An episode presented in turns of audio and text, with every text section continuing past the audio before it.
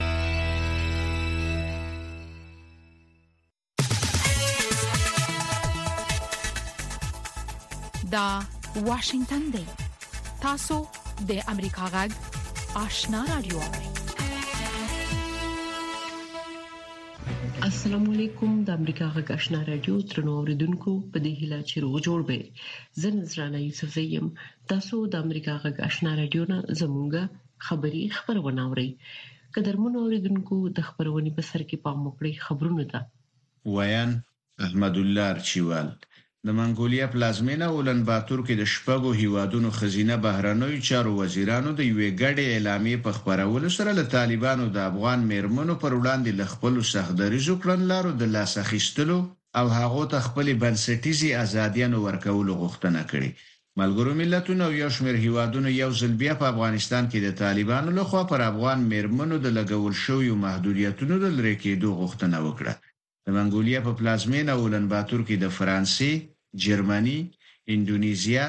سویلي افریقا او لیختنشټاین بهرنیو چارو وزیرانو په یوې دوه ورځنۍ ناسته کې د ګڼو نورو مسایلو ترڅنګ د افغان مېرمنو وضعیت په افغانستان کې د اندېښنې وړ بللی. د بخښنې نړیوال سازمان په یوه تازه پیغام کې له نړیوالو د افغان ښځو په ملاتړ د اقدام کولو غوښتنه کړې. د بخښنې نړیوال سازمان امنسټي انټرنشنل په یو تازه پیغام کې خبرداری ورکړی چې په افغانستان کې هلته چې ښځې او نجونې د خپل جنسیت له کبله تعقیب او په نښه کېږي، د طالبانو د محدودیتونو پر وړاندې مبارزه جریان لري. په دې پیغام کې چې پرون د امنسټي انټرنشنل پر ټویټر خپور شو لیکل شوي، افغان ښځې او نجونې چې د طالبانو تر ظالمانه واکمنۍ لاندې ګیر پاتې دي، له خپلو ټولو بنسټیزو حقونو او ازادیو څخه محرومې دي. د افغانستان د تیر رژیم د ځینو سیاسي مشرانو لخوا د امریکا د ولسمشر جو بایډن څرګندونو ته په غبرګون کې د طالبانو د حکومت ویاند ویلي، چې که چېرې طالبان د امریکا غلامان وای، نو د دغه هېواد تر بندیزونو لاندې به نه راتلل. د امریکا ولسمشر جو بایډن د جمعې په ورځ ناوخته د یو خبریال پوښتنې ته په ځواب کې وویل، چې نوموړي ویلي و، چې القاعده به افغانستان کې نه وي او طالبان به له امریکا سره مرسته وکړي. بایډن د افغانستان په اړه ځان حق په جانب وبللو.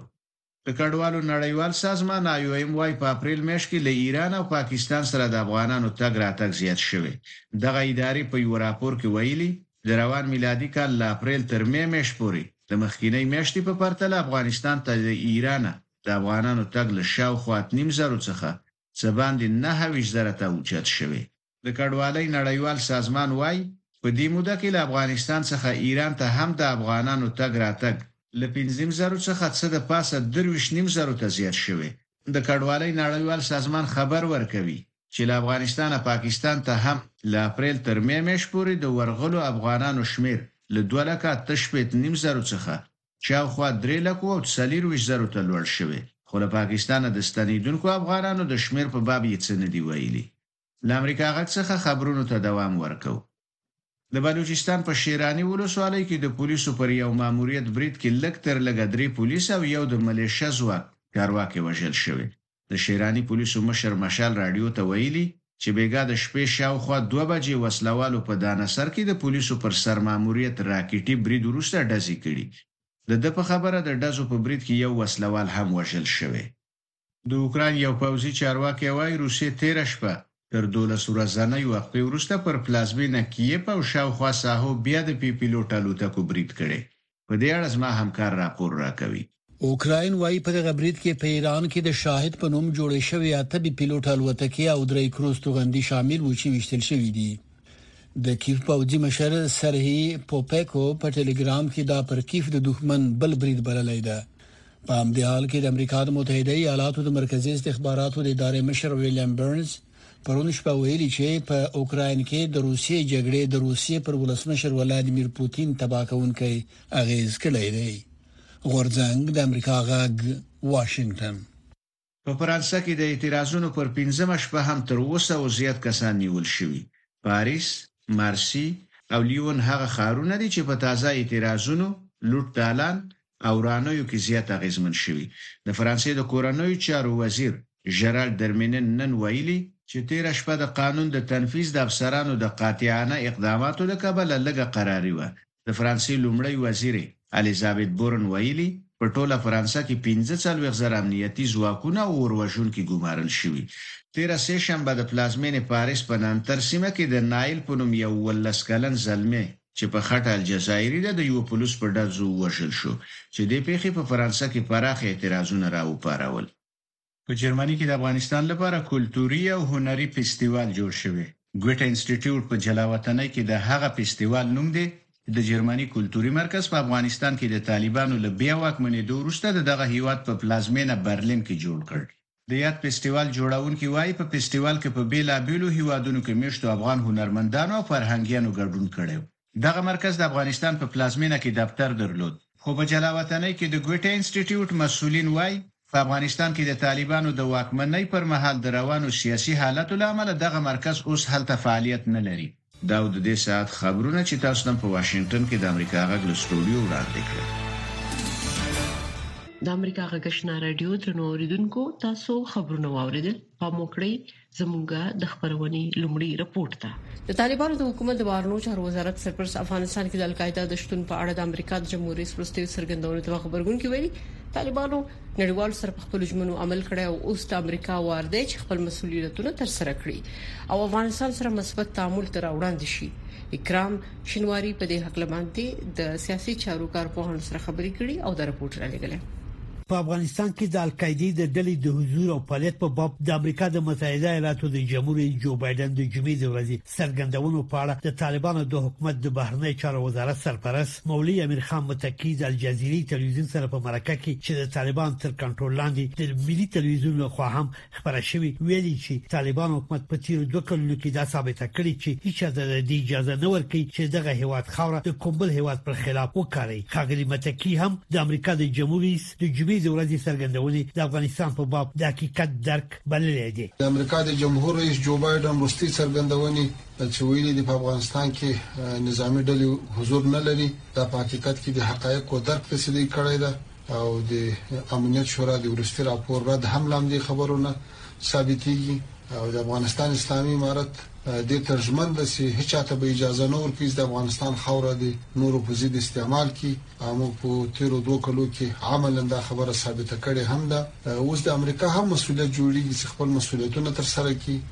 د افغانستان سره مثبت تعامل ته راوړاندې شي، یو باثباته افغانستان، یو په خپلو پښو ولاړ افغانستان، یو د ښه اقتصاد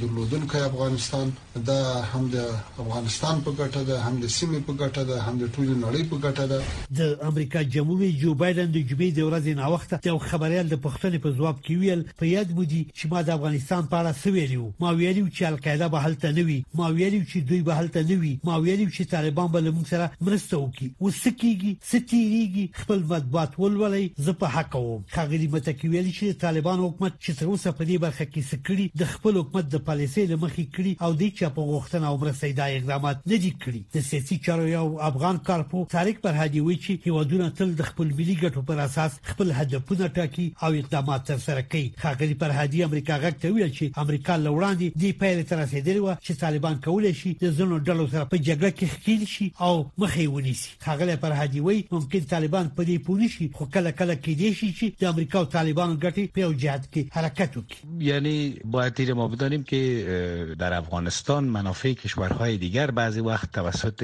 لیدرهای افغانستان تامین شده و بدون از اینکه فکر کنند که در افغانستان در خود افغانستان چی میشه بعضی لیدرهای افغانی چی از طالبان باشه چی از قبل از طالبان باشه همیشه ترجیح دادن که با قدرت های خارجی همکاری کنن برای که بعضی درجات به صورت بین به دست بیارن اما این به معنای از این نیست که باز امریکا طالبان را به رسمیت بشناسه و ما شما یک روز یک سفیر طالبان در واشنگتن ببینیم د سیاسي چارو یو بل کارپو ډاکټر عزیز مارج امریکا غږ ته ویل چې که امریکا متحده ایالاتو پالیسۍ ته کتنه وشي نو همدغه امریکا د طالبانو پت د القاعدې سره د اړیکو د لرلو په تور ړنګ کړی وو او اوس امریکا وایي چې د طالبانو سره د القاعدې په اړه همکاري کوي معمولا امریکا یو ځل د القاعدې سره دښمني اعلانوي حتی د طالبانو حکومت ړنګوي بل ځل بیا په په دوحه کې همدا شرط دی چې د القاعدې سره باید اړیکې قطع شي. اوس په وروستیو کې وایي چې مثلا القاعده د طالبان له خوا لرې شول او طالب د موږ همکاران دي. دا خبرې داسې معنا لري چې د پردې شاته کومه بله لوبه را روانه ده چې متاسفانه طالبان او نړیوال له افغانانو نه پټوي، د افغان ملت په دې کې خبر نه ده. د پخواني رژیم د جبري ریاست مرستیال امرالله صالح د ملي امنیت پخواني رئیس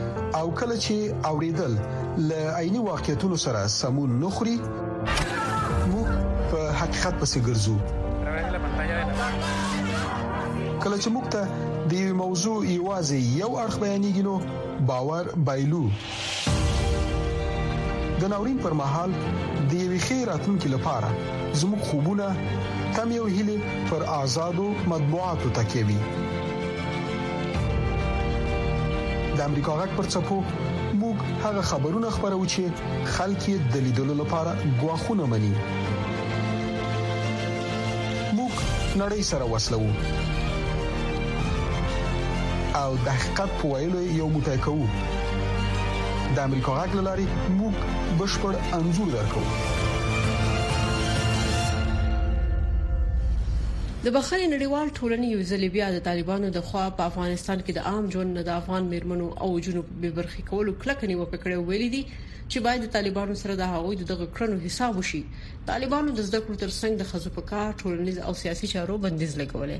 په موکړې دی رپورت ته د بخښنې نړیوال سازمان پر خپل ټوئیټر پاڼه لیکلي چې په افغانستان کې د خزو او انجونو پر وړاندې د طالبانو کړنې د بشریت په ضد د جنایاتو سره اندازه کیدلای شي. دغه سازمان ویلي چې په افغانستان کې ښځې او نجونې د خپل اساسي حقونو او ازادیو څخه محروم شوي دي. طالبانو د افغانستان ټول خلک برمته نیولي دي، مخصوصا ښځې یې برمته نیولي دي او په دوی باندې خپل هغه پسمانده افکار تطبیقوي. طالبان داسې فکر کوي چې د افغانستان ښځې د دوی دغه پسمانده افکار او تندلارې تګلارې سره موافقت لري حال دا چې د افغانستان ډیری ښځې نه تنها دا چې د طالبانو د دغو تندلارو تګلارو سره په کلکه مخالف دي بلکې تر نه بیزاره دي دغه سازمان ویلي چې په افغانستان کې نجونو او خزو ژوند د هغوی د جنسیت پر اساس د ځورونو سره مخ دی او په دغه هیواد کې ښځې او نجونې د خپل اساسي حقونو او ازادیو څخه محرومې شوې دي اوس د نړیوال ټولنې د اقداماتو وخت رسیدلی چې عدالت او حساب ورکونه باید د دې ځای ونیسي د طالبانو د راتګ سره په افغانستان کې ډیر په منظم او سیستماتیک ډول در خزو په وړاندې تاوتریخوالي تر سره کیږي نو دا خی چې دغه بندیزونه او دغه تاوتریخوالي ډیر په منظم ډول په افغانستان کې تر سره شوی د خزو په وړاندې سمون ورته یو ډایل اپارټاید جنسیتی هم ویلی شو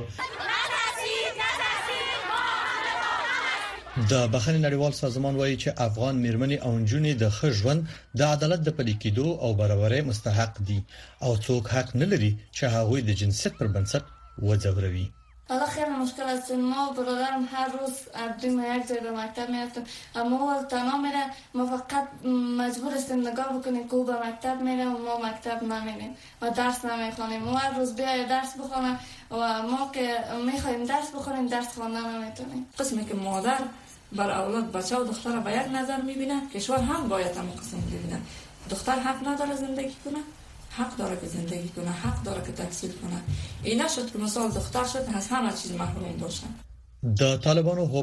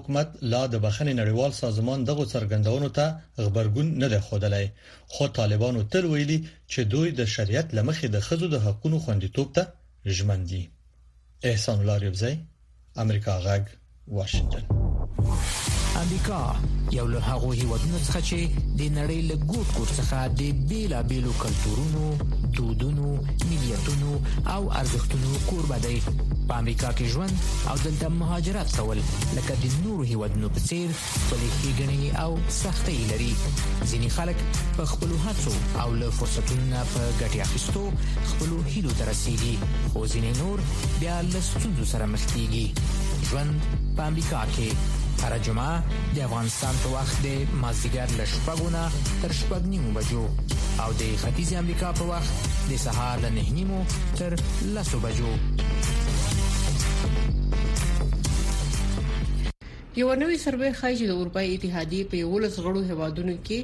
شپاړس زره کسان یعنی د اروپا لوی اکثریت روسیې ته په یوکرين د يرغل نه وروسته د غلیم یا دښمن په سترګه ګوري اروپایان بیا د چین په اړه نسبتا ښه نظر لري نور تفصيل په دې رپورت کې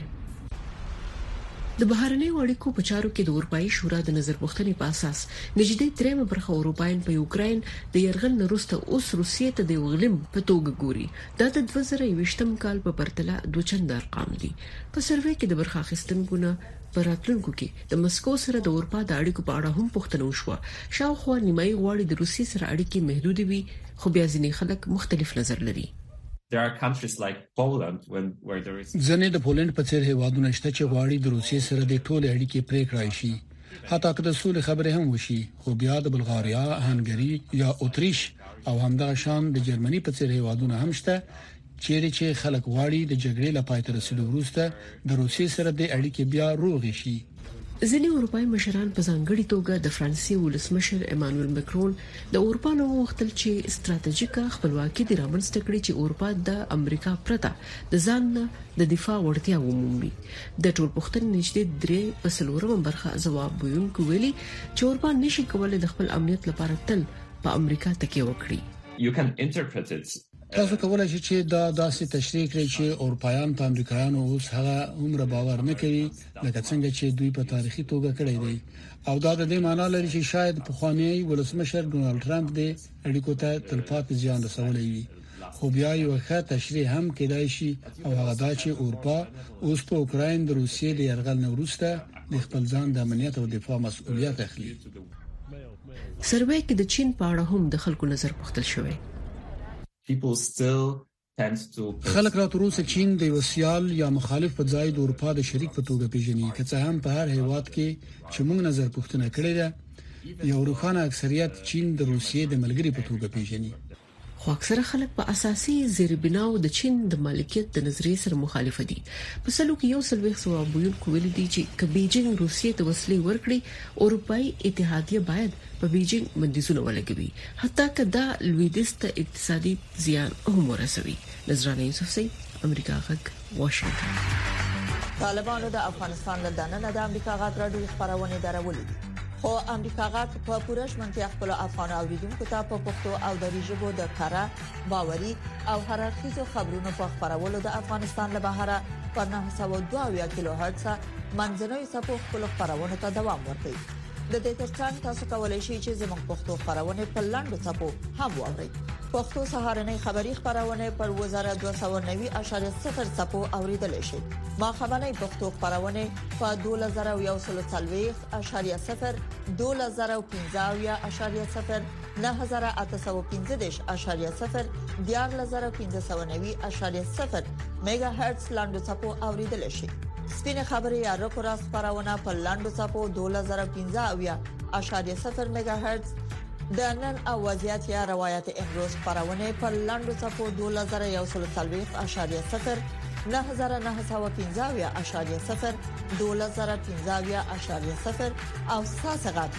یا صداي شما خبرونه پر لاندو سپو 2513.0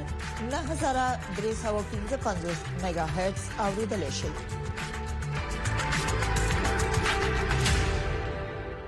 د فلسطینیانو لخوا د تیلو په یو پمپ برید کې د سلورو يهودانو وجلو غوسه کړي سلور سو يهودان د ترنسایا په نوم فلسطینی کلی برید وکړو او هغه یې ویجاړ کړو نور تفصيل په دې رپورت کې د ترمسایا د فلسطیني کلي فلسطین الاصله امریکايي اوسېدونکي پر دغه کلي د تېرې اونۍ د برید ویجاړیو له رواني اړخه نارامه کړي. په معمولاً دغه سوله ییز کلي څلور سوه پټمخو یهودانو تېره اونۍ د ټوپکو برید وکړ. دوی غواړي چې موږ له دې کلي ووځو. دوی غواړي چې موږ خپل کورونه، مځکې او کروندې پرېږدو چې دوی راشي او ویې نیسي. موږ چېرته نه ځو. دا زموږ ځمکه او کور دی. ام بلال او د هغې مېړه محمود حجاز د دغه کلي د هغو اویا سلنه اوسېدونکو چې خپل وخت په خپل کلي او د امریکا په جورجیا ایالت کې تېروي څخه دي. حجاز وايي، پر کلي برید دی په کلي کې د خپل جایداد پر وړاندې زیات ژمن کړی. They want us to move. دوی غواړي چې موږ له دغه کلي څخه ووځو دوی غواړي چې موږ خپل کورونه ځمکه او کروندې پرېږدو چې دوی راشي او وینيسي موږ چیرته نه ځو دا زموږ ځمکه او کور دی ناقلینو یو ورځ وروسته له هغه چې فلسطینیانو کلی ته څیرمه په یو برید کې څلور یهودان ووژل پر کلی برید وکړ اسراییلي حکومت او پوځ برید ته سخت ځواب ورکړ، خو د ناقلینو برید یې هم محکوم کړ. کڅین. هغه اسراییلي افسر چې یو داسې اسراییلی چې د فلسطینیانو پر کورونو سوځونکي مواد غورځول ګوري، هغه افسر نه شي کېدای. فلسطینیان وايي چې د اسراییلو د موجود ښي اړخي افراطي حکومت پر مهال هیڅ ناقل نیول شوی او یا هم محاکمه شوی نه دی. اروپايي او امریکايي چارواکو د اسراییلي ناقلینو له خوا د ولسي فلسطیني وګړو په نښه کولو د پېښو په مهارولو کې د پاتې راتللو له امله د اسراییلو حکومت محکوم کړی، خو هغه پنځه سوه فلسطین الاصله امریکایان چې په ګرمیو کې فلسطین ته ځي وايي چې دا د امریکا مسوولیت دی چې د دوی د خوندیتوب لپاره زیاتې هڅې وکړي.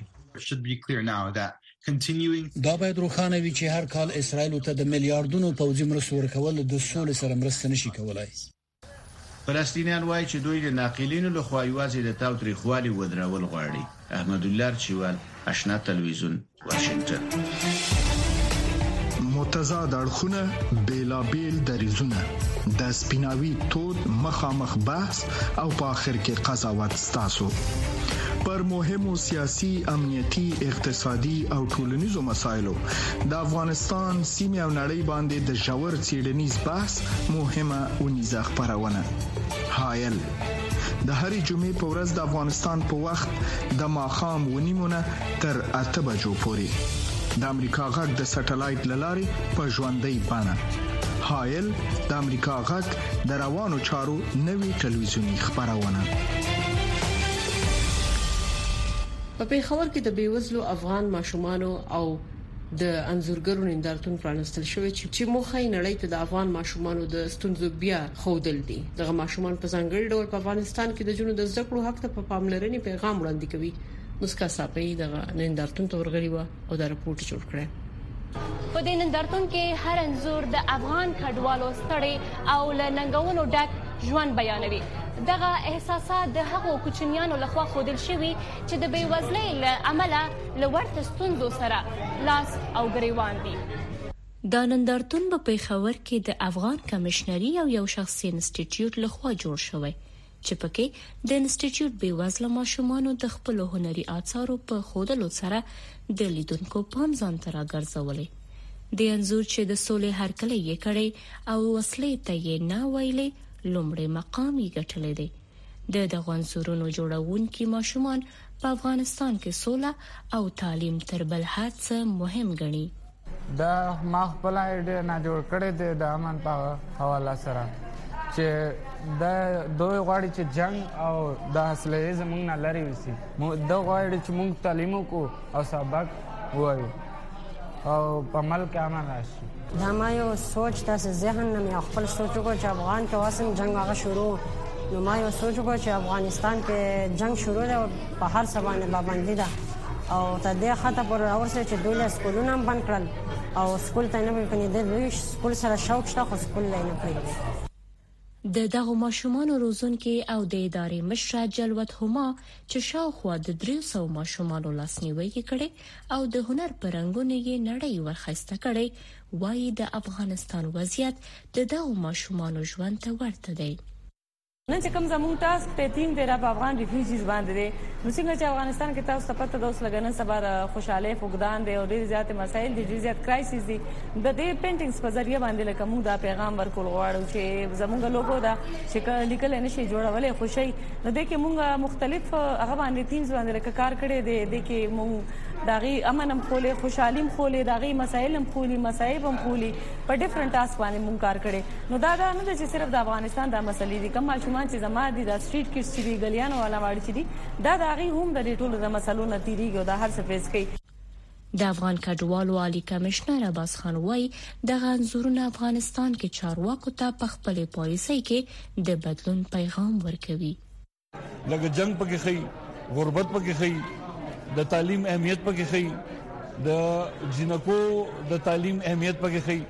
نو دا هغه خبرې دي چې د دوی ژوند کې ډېر زیات هغه ټول لایف یې ولې چینج کړی دی او دوی هر وخت دا د دوی ته احساس د نورمل خلکو نه سیوا دی چې دا امن څومره ضروري دی دا د جنکو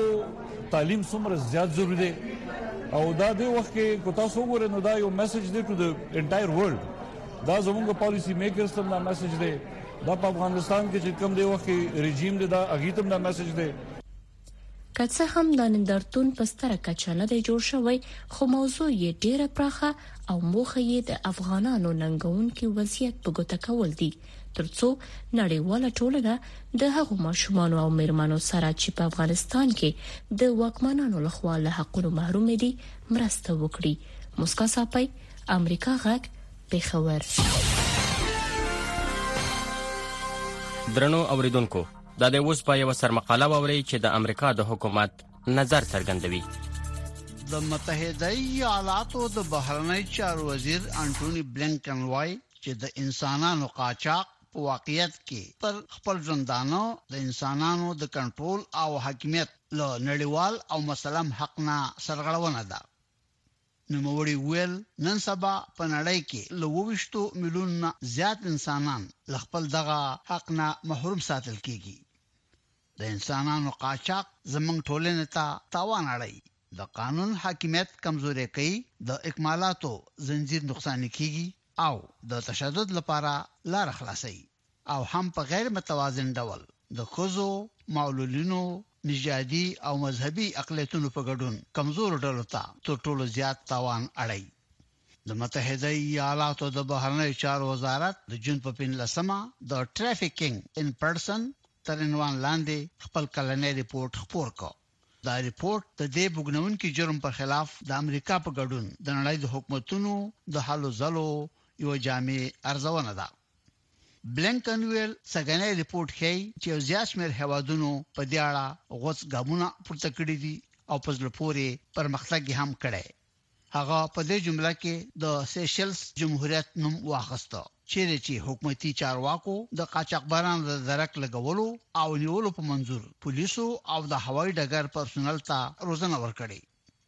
هانګ کانګ هم له هغو کسانو سره د مرستې په غرض د عاجل ټلیفون یو لیک پرانیستي چې قاچاقبران په چال او فریب په بهرنۍ هوادونو کې د جعلي کاروبار په پلمه تیرباسي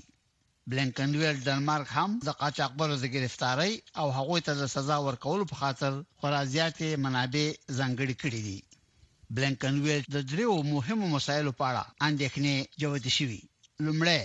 دا چې د اجباري کارونو ساحه په دوامداره توګه د پراخېدو په حال کې ده، په داسې حال کې چې د پنډېمېک یا وبا د خپرېدو په وجه اکمالاتي زنځیر وپاشل شو، استفاده جو مستخدمینو له ډول ډول چالونو نه په کار اخستلو بې اسرې کارګران خطا ایستل او په سختو دندو یې وګمارل. دویمه دا چې له انلاین سکیمونو په استفاده د کارونو لپاره په قاچاقي توګه د کارګرانو لیږدول زیات شول او انساني قاچاقبرانو بې روزګارۍ له سیوا کېدو نه په پراخه پیمانه ناجایزه ګټه واخیسته او د جعلي او خیلي وظیفو په پلمه یې هلکان او تنکي ځوانان خطا ایستي دي انساني قاچاقبران یې د خپلو نړیوالو سکیمونو د چلولو په منظور ګماري درېمه دا چې دا رپورټ له هغو خطرونو نه پرده پورته کوي چې هلکان او تنکي ځوانان ورسره مخامخ دي خو اکثرا له پامه غورځول کېږي او توجه ورته نه کېږي. بلېنکن وویل، واقعیت دا دی قاچاقبران که وغواړي کولی شي چې له جنسي او یا ایډیالوژیکي توپیر پرته هر څوک خپل هدف وګرځوي او همدا وجه ده چې حکومتونه، مدني ټولنه او شخصي سکټور باید ګډه د ټولو وګړو د بهبود او ښېګڼې لپاره کار وکړي. بلنکن زیاته کړه چې موږ د قاچاقبرانو د محاکمه کولو لپاره د قانون نافذولو ته اړتیا لرو، ټولنیزو کارکوونکو ته ضرورت لرو چې له قربانیانو سره د ټرامې په برخه کې مرسته وکړي، موږ له حکومتونو سره د حساب او کتاب په خاطر د حقوقو مدافعانو ته اړتیا لرو او د ټولنې مرستې ته ضرورت لرو بلینکن ویل چې متحده ایالات د تل لپاره له نړۍ نه د انساني قاچاق ورکولو په غاړه پر خپلو ژمنو ولاړ دي